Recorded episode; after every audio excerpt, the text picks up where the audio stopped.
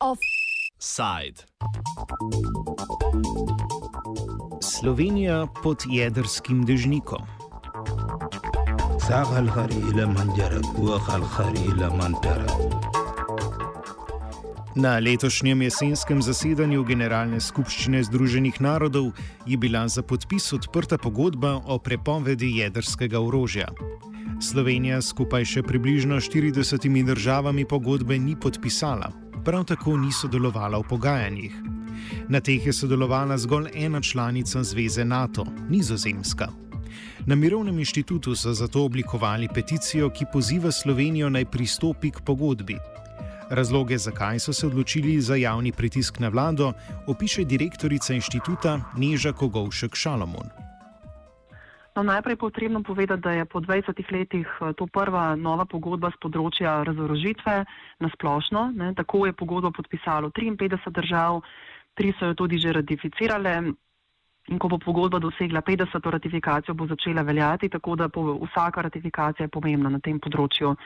Drugo, kar je uh, pomembno povedati, je, da je z ogromnem prispevek k uspešnim pogajanjem, da je do te pogodbe sploh prišlo, prispevalo gibanje nevladnih organizacij ICAN, ICAN, ki je zato prejelo tudi letošnjo Nobelovo nagrado za mir. Torej, uh, gre je že samo po sebi ta prispevek bil deležen velikega priznanja na mednarodni ravni.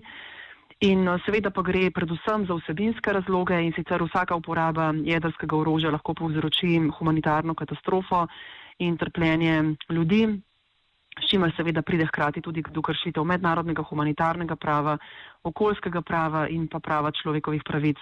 Morda samo za primer, eh, še danes, 70 let po dogodku, se občutijo recimo ne, negativne posledice eksplozije jedrskih bomb v Nagasakiju in, in Hirošimi, kar nam kaže um, obseg uh, negativnih posledic, ki jih takšna uporaba uh, orožja ima.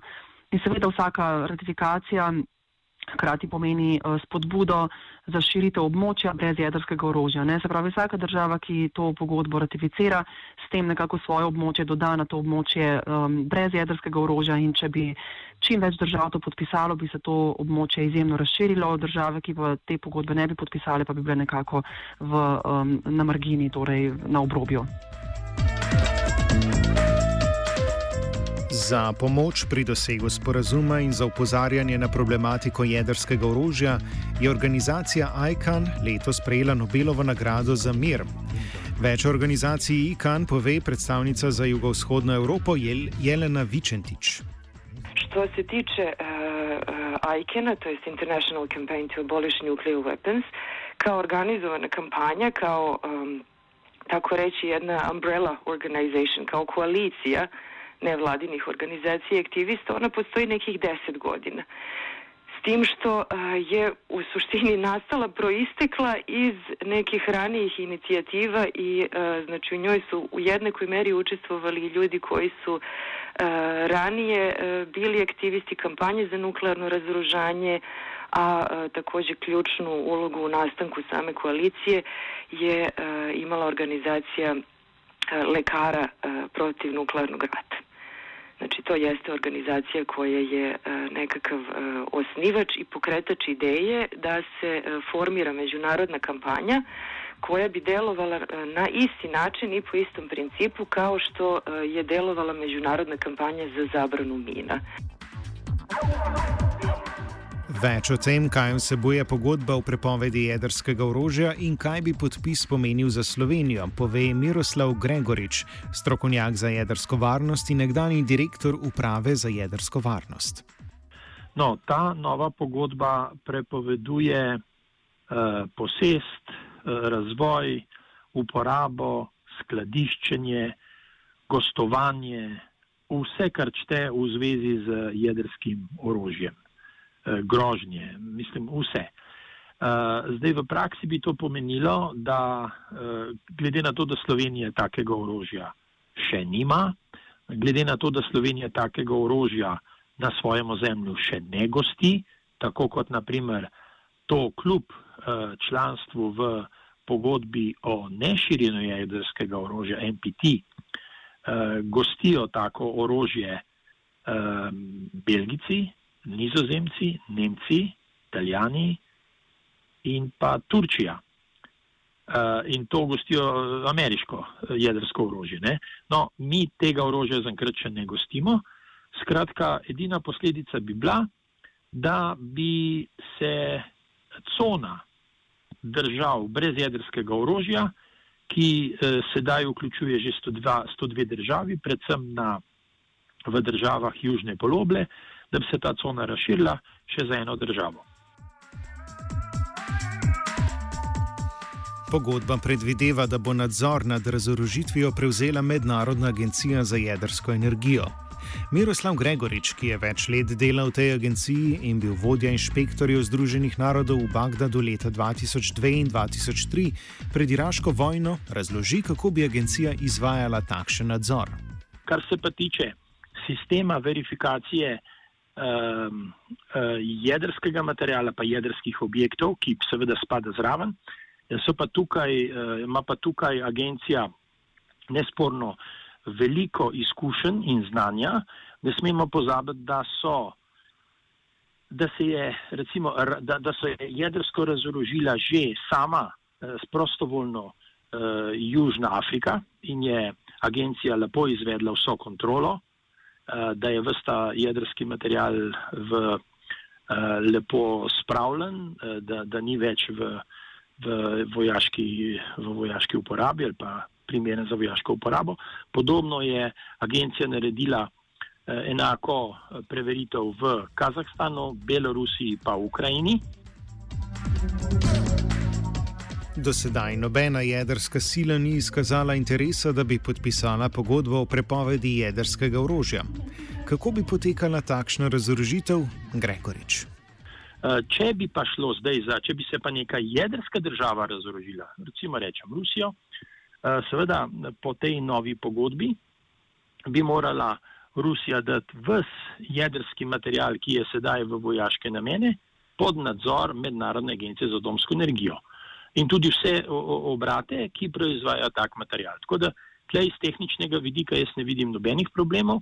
Seveda bi nastali novi stroški, kajti tega bi bilo zelo veliko, tega nadzora, ker ne smemo pozabiti, da sedaj eh, te uradne jedrske sile P5, ne, eh, Amerika, Kitajska, Rusija, Francija in Anglija, one so uh, oproščene avtomatskega, uh, one so oproščene uh, inšpekcije, ki jih izvaja Mednarodna agencija za atomsko energijo.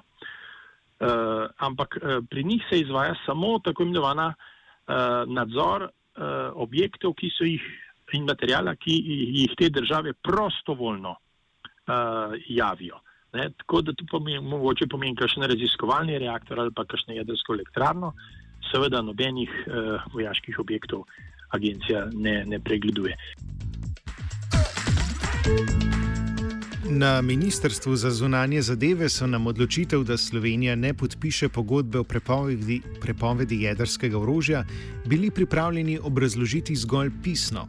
Kot pojasnjujejo na ministrstvu, menijo, da pogodba ne vzpostavlja verifikacijskega režima in njeno besedilo ni skladno z mednarodnimi zavezami Republike Slovenije in politiko jedrskega odvračanja, ki je del NATO-vega strateškega koncepta. Pri tem se sklicujejo na pogodbo o neširjenju jedrskega orožja. Muzika. Pogodba o neširjenju jedrskega orožja še danes predstavlja temeljni dokument za vse mednarodne sporazume o omejevanju jedrskega orožja. Sprejeta je bila leta 1968. Takrat so se države, ki niso imele jedrskega sporazuma, obvezale, da ga ne bodo razvijale. Pet držav, ki so takrat že imele jedrski arzenal, pa se je zavezalo k postopni razorožitvi. Podaljšanje sporazuma leta 1995 predstavlja tudi zadnje poglavje napredka glede jedrske razorožitve. Nadaljuje Gregorič. Ker takrat eh, članstvo ni bilo enotno, da se podaljša, zato ker so rekli, da ja, 25 let je ta sporazum tle, pa sporazum ima tri stebre. Pomeni tiste, ki niso imeli leta 70, leta 68 jedrsko orožje, se obvežijo, da ga ne bodo imeli, da ga ne bodo razvijali. Zato so se pa tiste, ki imajo orožje P5, ne, uh, so se povezale, da bo pretok znanja na tem področju neomejen, če gre za civilno uporabo jedrskega znanja, in obvezale se, so se, da se bodo uh, postopno, uh, transparentno in ne vem kaj še razorožile. No, tega pač niso naredili. No, in ko je bilo 95. leta ta prva konferenca po 25 letih, so se pač zmenili, ja, v redu, bomo podaljšali za nedoločen čas, vendar istočasno se uh, bo nekaj drugih ukrepov sprijetih za razorožitev. Uh, takoj se bo izpogajala pogodba za prepoved jedrskih poskusov CTBT, Comprehensive Test Ban Treaty, in ta je bila res izpogajana naslednje leto. In zdaj ima že, ne vem, 170 ali koliko ali več držav, vendar ključne države, ki so potrebne za to, da prije ta pogodbo veljavo, Ehm, recimo Amerika, Izrael, Severna Koreja, ehm, Rusija, pa ne vem še kdo, niso, pa seveda Indija, Pakistan, niso podpisale. Ne? Tako da so podpisale, pardon, niso ratificirale, tako da ni v veljavi. Ehm, druga točka je bila, da je treba takoj začeti zaključiti pogajanja o pogodbi o omejitvi uh, izdelavo, o omejitvi uh, jedrskega materijala potrebnega za uh, atomske bombe. Uh, uh, FMCT, Fissile Material Cut-off Treaty. Ta se po 21-22 letih od takrat, ta pogajanja se niti niso začela v Ženevi. Skratka, totalna blokada. Kot razlaga Jelena Vičentič iz organizacije ICAN, je treba zgodbo o prepovedi jedrskega orožja razumeti kot nadgradnjo pogodbe o neširenju, ki je izgubila svoj pomen. Što se tiče MPT-ja, sporazuma o neširenju nuklearnog oružja, to je sporazum koji datira iz vremena hladnog rata. Znači, to je sporazum E, koji je potpisan neke 68. godine i koji je ispunio svoju svrhu. Znači mi e, MPT kao sporazum e, u tom smislu ne kritikujemo niti ga podrivamo ovim novim sporazumom o zabrani nuklearnog oružja, jer dakle MPT jeste sprečio, možemo da kažemo da jeste sprečio značajnije širenje nuklearnog naoružanja. To jeste sporazum koji ima praktično univerzalno članstvo sa izuzetkom pet država sveta i uh, to je, naravno, to je odlično, to se ne kritikuje, ali s druge strane ima i svoje nedostatke, znači nije uspeo da privoli uh, ovih par država Indiju, Pakistan, Izrael da pristupe tom sporazumu, a dakle Severna Koreja je čak i sporazuma istupila. I um, moramo da priznamo da je uh, tu došlo do izvesnog zastoja. S tem, da sporazum o neširjenju jedrskega orožja, krajše NPT, ne deluje, se strinja tudi Gregorič. 95. leta je bil narejen nek načrt ukrepov za razorožitev 2000 let je bil narejen načrt ukrepov, 2005 leta je bilo potrjeno, 2010 leta so sklenili, da se bodo razorožili po 22 točkah, ki so jih sprejeli soglasno, ničesar.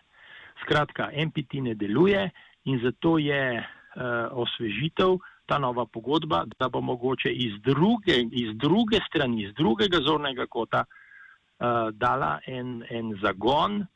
Eh, temu, eh, eh, tem prizadevanjem za popolno razorožitev. Argument zunanjega ministrstva, da pogodba o prepovedi jedrskega orodja krši pogodbo o neširjenju jedrskega orožja, je nenavaden tudi zaradi tega, ker so podpisnice slednje praktično vse države, ki so se odločile podpreti pogodbo o prepovedi jedrskega orožja. Večja ovira je strategija Zveze NATO, ki še vedno predvideva, da bodo ZDA druge članice vojaške zveze branile tudi z jedrskim orožjem, če bo potrebno. ZDA imajo v ta namen v Nemčiji, Italiji, Turčiji in na nizozemskem nameščene jedrske bombe. Kot so pojasnili na zunanjem ministrstvu, je Slovenija od leta 2004 v skladu z na referendumu izraženo suvereno voljo njenih državljanov, članica NATO. Jedrsko orožje v NATO-vem strateškem konceptu pa predstavlja del zmogljivosti za odvračanje in obrambo. odgovarja Gregorič. Ja, gledajte, ko smo imeli referendum za vstop v NATO, tedaj ni nihče mahal z kakršnim koli jedrskim dežnikom. Tedaj ni nihče govoril o tem, da bi v primeru potrebe uh, bile, da bi bila stacionirana jedrska orožja na našem ozemlju, skratka, da bi jih mi gostovali. Uh, tedaj tudi ni noben govoril, da nas bi branili do zadnje atomske bombe. Uh, če bi bilo to, recimo, takrat del referenduma, dvomim, da bi referendum uspel. Po besedah Neže Kogovšek ima pobuda vloga tudi pri delegitimizaciji jedrskega orožja kot orodja geopolitičnega prestiža. Da logika te pobude oziroma pogodbe kot take je popolnoma drugačna, ker izhaja iz, um, iz kulture miru, iz um, nemilitarizacije um, in uh, vsaka država dejansko, ki podpiše to pogodbo, bo prispevala k krepitvi učinkov te pogodbe tudi na, na ravni globalne jedrske politike in s tem tudi oduzela legitimnost vlogi jedrskega orožja. Ne? In kar je pomembno, je mogoče tudi to, da seveda je jasno, da nekatere države ne bodo nikoli te pogodbe podpisale, najverjetneje. To velja še posebej za države, ki to, ki to orožje imajo, ampak tudi, če tega ne bodo storile, če bodo skoraj vse ostale države to pogodbo podpisale, lahko potem dejansko tudi s tem vplivajo na nekatere vojne prakse tistih držav, ki pa te pogodbe ne bodo podpisale. Ne? Se pravi, tudi na nepodpisnice ima to lahko dolgoročno nek izjemno pozitiven učinek v smislu humanitarnih razlogov. Offside je pripravil Gal.